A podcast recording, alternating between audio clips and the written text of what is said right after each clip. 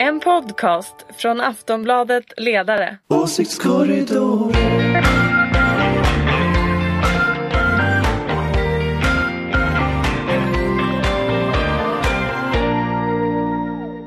Hej och välkomna till Åsiktskorridoren, podden från Aftonbladets ledarredaktion där vi bänder och sliter i den svenska politiken.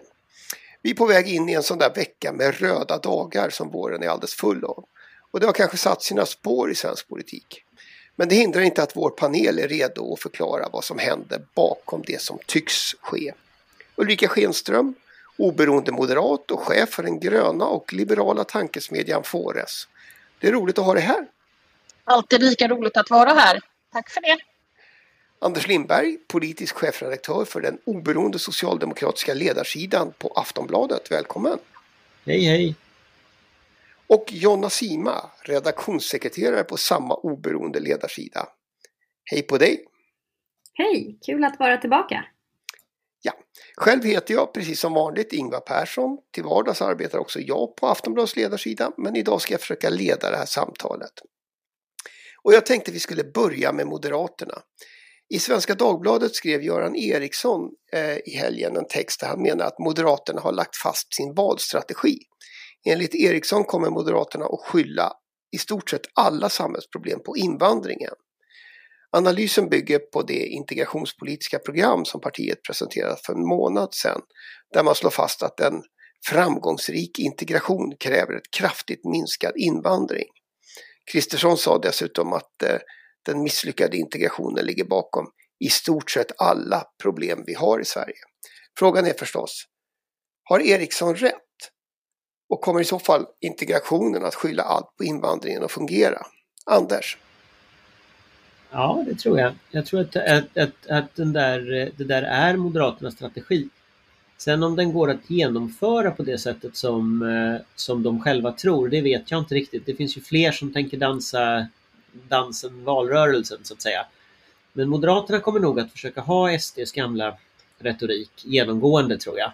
Allting är invandrarnas fel. Eh, jag tror att Moderaterna är på väg också in i någon slags kulturkrigsretorik.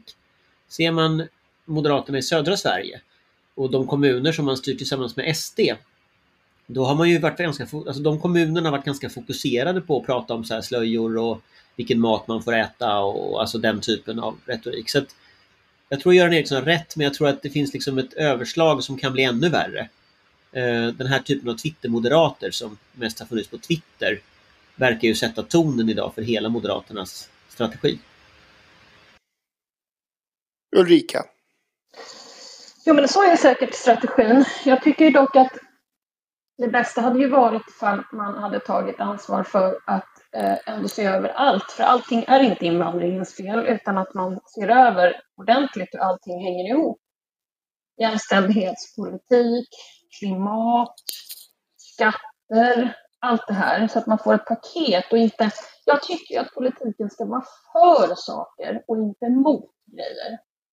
Eh, så jag hade ju gärna sett ett paket om vad man vill införa för någonting, inte vad man vill ta bort, utan vad vill man göra för att förändra och förbättra för andra människor på hela spannet. Inte bara att liksom, ha någon slags berättelse om varför det är på det viset.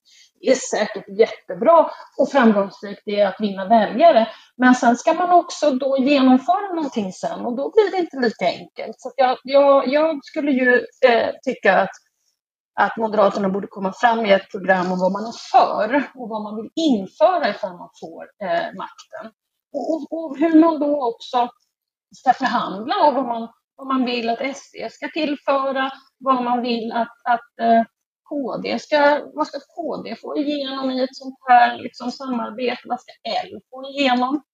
Så att, så att på något sätt så tycker ju jag att när man går till val ska man ju ändå upplysa väljarna om hur och vad man vill införa och genomföra under själva mandatperioden.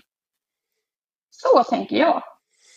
Och det tycker du inte riktigt att den här strategin svara på? Ja, men den där andra strategin det är ju att ge upphov till rädsla och tro att allting handlar om att vi har invandring och, och att den skulle vara fel för allting. Och det såg vi i partiledardebatten att jag försökte Jimmie Åkesson till och med hävda att kvinnor som blev slagna och kvinnovåld, att det hade med invandringen att göra. Och då blev folk, då blev ju faktiskt de andra rätt förbannade på honom. Så att man måste nog ändå till syvende och sist inte bara vara populistisk i att liksom säga vad som är fel, utan man måste också berätta vad det är man vill och vad man vill genomföra och vad man vill göra åt olika typer av problem. Så som liksom skattepolitiken, så som klimatet, så som jämställdhetsproblemen. Vi har fortfarande stora löneskillnader mellan kvinnor och män. Varför? Vad gör man åt det? Varför har kvinnor, kvinnor lägre pension? Vi är tillbaka i en föräldraförsäkringsdiskussion. Absolut, men allting måste ju tittas på. Jag vill gärna veta vad man är för, inte vad man är emot. Jonna, hur tänker du om det här? Eh, nej men Göran Eriksson har säkert rätt i det, att det här är en uttänkt strategi. Eh, man undrar ju lite varför man har utstakat den här strategin i och med att eh, då blir det en kamp om samma väljare som, S, som SD har. Och det känns lite kannibal, kannibalistiskt eftersom de ska ingå i samma block, även om Moderaterna inte vill kalla det för block. Eh, så att jag förstår inte riktigt eh, poängen, men, men det är tydligt att allting ska handla om invandrare. Det märkte vi ju med det här ehm, eh, utspelet i förra veckan om att man ville förbjuda vägspärrar eh, som eh, kriminella sätter upp, vilket ju redan är förbjudet. Så det var ju liksom ett, ja men bara någon slags symbolpolitiskt slag i luften. Eh, men jag tror att det kan ha en koppling till att Alltså trots att eh, vi hela tiden läser om skjutningar och sprängningar och så där, det var tre stycken under ett och samma dygn i Malmö och så, så, så går ändå skjutningarna ner. Alltså det är 40-procentig minskning bara i år. Tusen gängkriminella sitter häktade.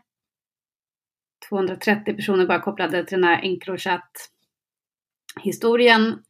Det är klart att det stressar framförallt Moderaterna. Det här är ju deras hemmaplan. De vill ju kunna skrämmas med de här sakerna nästa höst. Så att eh, då använder man nog ja, invandring och kopplingen till kriminalitet eh, mycket för att på något Ulrika. gå framåt. Ja? Du såg ut som du tänkte säga något. Nej, nej, nej jag, jag satt här och inväntade att eh, Jonna skulle bli klar. Ja. Men jag kan säga en sak som jag tänkte på utifrån det Jonna säger. Ja. Alltså, jag, tänk, jag tänkte att eh, Anna Dahlberg i Expressen skrev ju en ledare igår som handlade om att allting faktiskt är invandringens fel. Hon börjar liksom med skolan eh, dålig, det är invandringens fel, att eh, det är trångbott är invandringens fel, att arbetslöshet är invandringens fel och så vidare. Allting är invandringens fel. Och det finns en slags felslut som är ganska spännande i det där. Att det är klart att skolan inte fungerar för att integrera barn, men de fungerar ju inte för några andra barn heller. När det gäller barn med särskilda behov, när det gäller klassbakgrund, så, så idag så slår föräldrarnas eh, utbildningsbakgrund igenom rakt i skolan. Det är liksom den viktigaste faktorn för om barnen lyckas i skolan. Och det beror ju på marknadsskolan. Eh, att eh, de här stora koncernerna kan välja elever och att man då väljer bort alla elever som inte är lätta att ha att göra med och på det sättet så kan man då tjäna mer pengar och ta ut vinst. Men då blir på något sätt det invandrarnas fel. Trots att det är att vi har den mest avreglerade skolmarknaden i världen och att de här bolagen har liksom fri dragningsrätt på skattepengar som ju alla inser är problemet, eh, blir ändå invandrarnas fel. Eller att vi inte har byggt tillräckligt mycket bostäder i Sverige. Att trångboddheten blir invandrarnas fel. Och på något sätt så blandar både Anna Dahlberg och Moderaterna ihop eh, alltså en, en, vad är orsaken till detta Eh, med att det skulle vara invandrarnas fel? Och det där, det där är ganska intressant felslut. Eh, för med den retoriken, om man accepterar den, då kommer alla sociala problem att vara den som har de sociala problemens fel. Eh, och, och, och då blir så att säga logiken helt omvänd. Så om en kommun inte bygger bostäder, då är det de som bor trångt fel att kommunen inte har byggt bostäder. Om vi har en marknadsskola som selekterar ut elever, då är det de eleverna som blir bortvaldas fel. Och det där är en, en extremt intressant liksom, vändning i borgerligheten. Eller inte borgerligheten men i liksom moderata kretsar. Eh, och, och, jag tror att den följer på det här med att det var arbetslösas fel att de var arbetslösa, det var sjukas fel att de var sjuka och så vidare. Att nu blir det liksom invandrarnas fel att de står längst ner i den sociala hierarkin. Men jag Så tror att... eh, Systematiskt så gäller ju det alla områden där de står längst ner. För de står ju längst ner på både klass och könstrappan. Så står ju invandrarna. Precis. Jag tror att många reagerat på det. Att eh, det blir en, slags skylla ifrån sig ehm, retorik som verkligen tog sig uttryck där under eh, partiledardebatten som Ulrika nämnde. När Jimmy Åkström sa att mäns våld mot kvinnor var ett importerat problem. Och det var ju, alltså jag tror att Annie Lööfs utbrott där mot honom där hon verkligen reagerade väldigt starkt och sa att han kränkte kvinnor, att eh, alla som blir slagna och barn som får se sina mammor misshandlade och sådär. Eh, att hon satte verkligen ord på de känslor som många tv-tittare kände. Och eh, jag tror att också den här Anna Dahlberg-retoriken om att allting till slut leder till att det är invandrarnas fel eh, inte får resonans hos människor i deras liksom varken mage eller hjärtan. Att nej, det finns andra samhällsproblem som faktiskt också spelar in. Det är inte bara invandrarna som ska bära skulden för precis allting. Men, men i Anna Dahlbergs retorik så blev ju till och med de fattiga barnen, det faktum att många invandrare har, eh, att det är många barn med vars föräldrar har utländsk bakgrund som är barnfattigdomen i Sverige och som uppmärksammas som barnfattigdomen, det blev också invandrarnas fel. Så att, så att man drar ner sociala åtgärder, man satsar inte på att få folk i arbete, man bygger inte bostäder, man avreglerar allting och sen skyller man ifrån sig på de fattiga barnen. Alltså jag, jag tänker att den, liksom, den typen av retorisk förskjutning är en brutalisering av det offentliga samtalet som jag inte riktigt kan komma ihåg att, att vi har sett förut. Det är en sån fullständig sparka neråt retorik eh, som man nu försöker sälja. Liksom. Alltså, Ulrika, håller, tvi- håller du med? Ja, nej, men alltså jag återkommer till det jag har sagt. Alltså, du vet, politik måste handla om vad man är för, inte vad man är emot. Eh, och när man hela tiden behöver, behöver förklara varför, då vill jag veta hur man ska hantera det då. Så att om det allting handlar om invandring, ska, ska folk åka ut då eller ingen ska komma in? Men det kommer inte lösa problemet utan det måste ju alltså du måste ju helt enkelt lösa problem genom att antingen bygga fler bostäder. Och hur ska du göra det? Ja, då får du komma fram till en reform som kan öka eh, bostadsbyggandet. Inte sitta och prata om varför problemet finns, utan lös det då. Alltså jag, tycker, jag tycker att politiken ska komma med lösningar, inte problematiseringar. Om jag ska vara cynisk så kan jag tycka att det är lite intressant att följa Moderaternas agerande nu, eller strategi. Eftersom SD alltid kommer gå längst. Men om man lyckas liksom på något vis triangulera ut SD och, eh, på deras paradfrågor invandring och kriminalitet. Eh, så ska det bli intressant att se vad som händer om, om man faktiskt vinner väljare från SD i någon större utsträckning. Men det är ju cyniskt på det sättet att det är ju framförallt invandrare och, och personer med in, eh, utländsk bakgrund som kommer ja, på, på, olika sätt drabbas av den här allt hårdare retoriken och liksom att man skuldbeläggandet och sådär. Så att det är lätt för mig att säga som är vit och pursvensk så att säga, att säga att det ska bli intressant. Men eh, ja, man, jag undrar lite hur, hur man tänker. Det är ju verkligen långt ifrån Reinfeldts eh, Nya Moderaterna där man försökte Komma med lösningar på sig problemen. Ja. S-väljare. Mm. Ursäkta, vad sa du? Ja, komma med lösningar på problemen, ja. Ja, det Det också. också. Mm. det Men att locka grej över socialdemokrater. Jättebra grej när man, liksom, när man håller på med politik. Att komma med lösningar på problemen. Det är ju faktiskt fantastiskt. Okej hörni, eh, vi, får, vi får väl se helt enkelt. Vi får se om det här är valstrategin. Vi får se om alla inser att den är fel eller om den saknar klangbotten. Du, Eller du glömde fråga om den fungerar. fungerar. Du glömde fråga om den fungerar. Nej, det har ja. jag frågat. Ja, men jag tänkte, du glömde följa upp det tänkte jag. Eh, och där undrar jag liksom, vad tror du, du som programledare, tror du att den funkar? Det är väl inte en programledares uppgift att ha en åsikt Jag i den tänker, du frågan. sitter ändå uppe i Dalarna där. Det är de, du, du sitter där med de väljarna som de Ja. ska nå här. Jag, jag, tycker, jag tycker Jonna har en viktig poäng i, i eh, att det är klart att det är ett, om vi nu har en väldigt tudelad debatt eh, så, så är det klart att det blir ett, ett mått av kannibalism om man väljer att driva varandras frågor väldigt tydligt. Eh, sen, sen har ju Ulrika en jätteviktig poäng i att Eh, ska man väl regera, det är en sak att vinna regeringsmakten, det är något, något annat att faktiskt uträtta något när man har den. Eh, och då är det nog väldigt viktigt att man har en, en eh, ganska tydlig idé om vad det är man vill göra. Eh, och det här kanske inte drar åt det hållet. Eh, jag är inte säker på om den kommer att fungera. Eh, men, eh, men det blir också ett självspelande piano. Om alla väljer att prata om ett problem så, så är det klart att då kommer man också uppleva det som problemet. Men jag tänkte faktiskt vi skulle hinna med en fråga till i alla fall i, i det här programmet. Vi har lite tajt med tid så jag, jag, jag tänker helt bryskt gå vidare. Eh, en av de andra stora diskussionsfrågorna den senaste veckan har ju handlat om Sveriges Radio.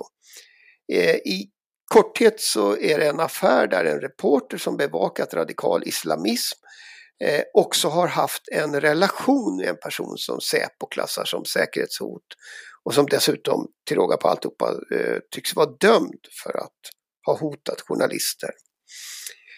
Olämpligt tycker ju alla. Eh, på den punkten är det inte någon, någon eh, skilda åsikter och reportern har dessutom slutat på Sveriges Radio. Men nu vill freds och konfliktforskaren Wilhelm Agrell att en extern utredning ska titta på det här för att bland annat få svar på vad cheferna på Sveriges Radio visste. Är det en bra idé att låta en utomstående eh, granska arbetet på ett nyhetsföretag och en nyhetsredaktion? Ulrika?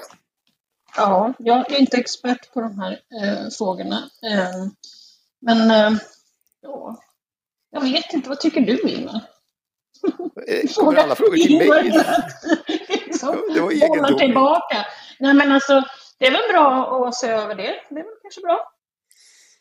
Det här är ingen stor expertfråga som jag har några sådana större såna här jättevurm för eller så. Så att, eh, ja, det kanske är bra. Anders, du brukar alltid vara för hårda tag mot eh, säkerhetshot. Ja, fast alltså idén att ha externa utredningar av tidningsredaktioner eller radioredaktioner eller tv-redaktioner tror jag man ska akta sig för. Ja, det var lite Eh. den känslan. Det är därför jag inte riktigt vill sätta ner foten. För att jag, ja, mm, jag vet inte. Mm. Ja. Nej, men jag tror man ska akta sig för det. De är trots allt, det är ganska viktigt att Sveriges Radio är självständigt.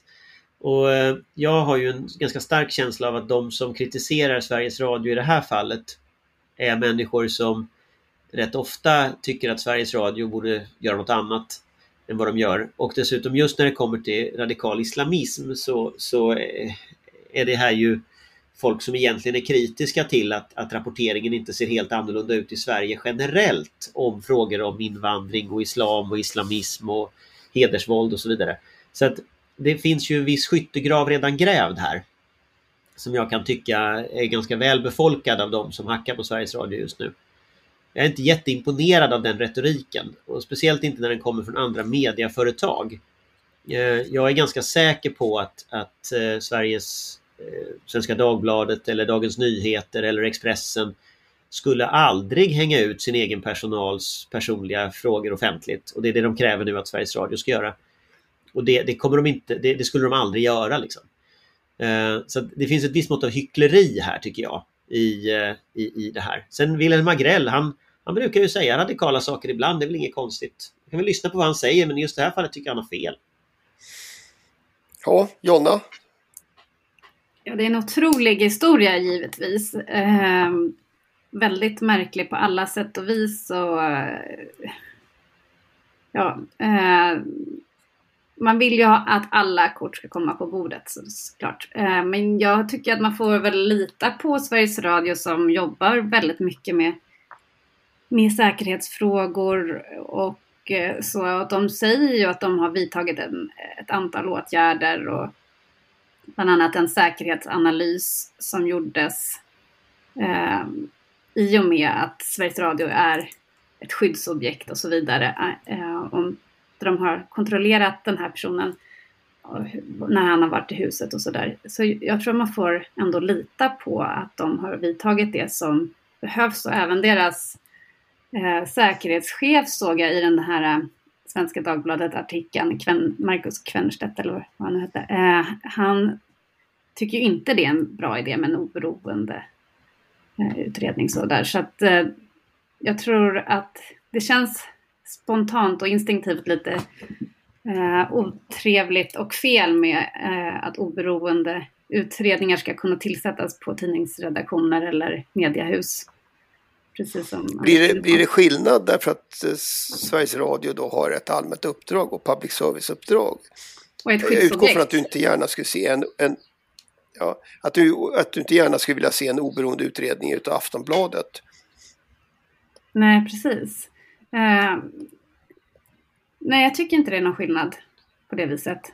Eh, men eh, jag kan ha fel. Det här är som sagt inte mitt eh, expertområde heller. Men rent instinktivt, instinktivt så känns det fel med att, att mediehus kan bli satta under oberoende utredningar på det här viset fast de inte vill ha det egentligen. Jag, jag vet inte riktigt vad, men nu, nu, tror jag inte att... Alltså jag, tänker ju så här att, att när man garanterar på olika sätt oberoende journalistik då garanterar man ju också att institutionerna är oberoende. Och nu vet inte jag, nu kan man ju tänka sig på flera olika sätt. Sveriges Radio kan tillsätta en egen oberoende granskning, man kan tillsätta faktagranskare utifrån och så vidare. Eh, som inte så att säga eh, riskerar oberoendet. Men, men jag tänker nog ändå att det måste vara redaktionella processer som avgör sånt här. Och en grej som jag inte tror att folk fattar det är att det är ju inte en enskild reporter som gör ett helt inslag och publicerar det. Utan reporten är ju en del i en grupp där det finns en redaktör, där det finns liksom ett antal andra personer som tittar på det som publiceras. Eh, så gäller ju i alla sammanhang i medier. Eh, och, och, om det är så att den redaktionella processen kom fram till att detta var den journalistik man ville bedriva, då, då finns det liksom egentligen ingenting att granska. Eh, och jag tror att den här liksom kraven på utredningar, det är mer än krav, ett krav på att förlänga debatten om det här. Man vill liksom fortsätta prata om det. Och då kommer den här typen av mer eller mindre liksom fantasifulla förslag som man skickar in i det.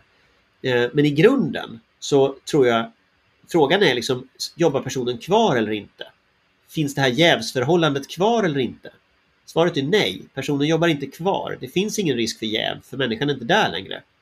Eh, och därmed är det slut. Det finns liksom ingen annan, det finns ingen, finns ingen mer diskussion egentligen att föra där. Så jag tror att det här är lite torrsim. Folk vill fortsätta en diskussion som egentligen är slut. Och vi kommer inte kunna fortsätta den här diskussionen eh, som nu egentligen eh, tog slut. Eh, därför att vi är tvungna att avsluta veckans program. Eh, det betyder att det blir frågor kvar, men det blir det ju å andra sidan alltid när åsiktskorridoren träffas. Eh, jag vill tacka alla som har lyssnat den här veckan. Jag vill tacka Ulrika. Tack, tack! Anders. Tack, tack. Och Jonna. Tack. Vi är tillbaka när eh, de här helgerna är slut och det är en vanlig vecka igen. Tack så mycket och hej! hej. hej. En podcast från Aftonbladet Ledare. Åsiktskorridor.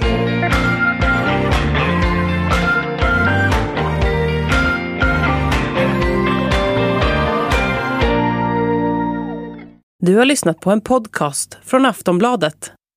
Ansvarig utgivare är Lena K Samuelsson.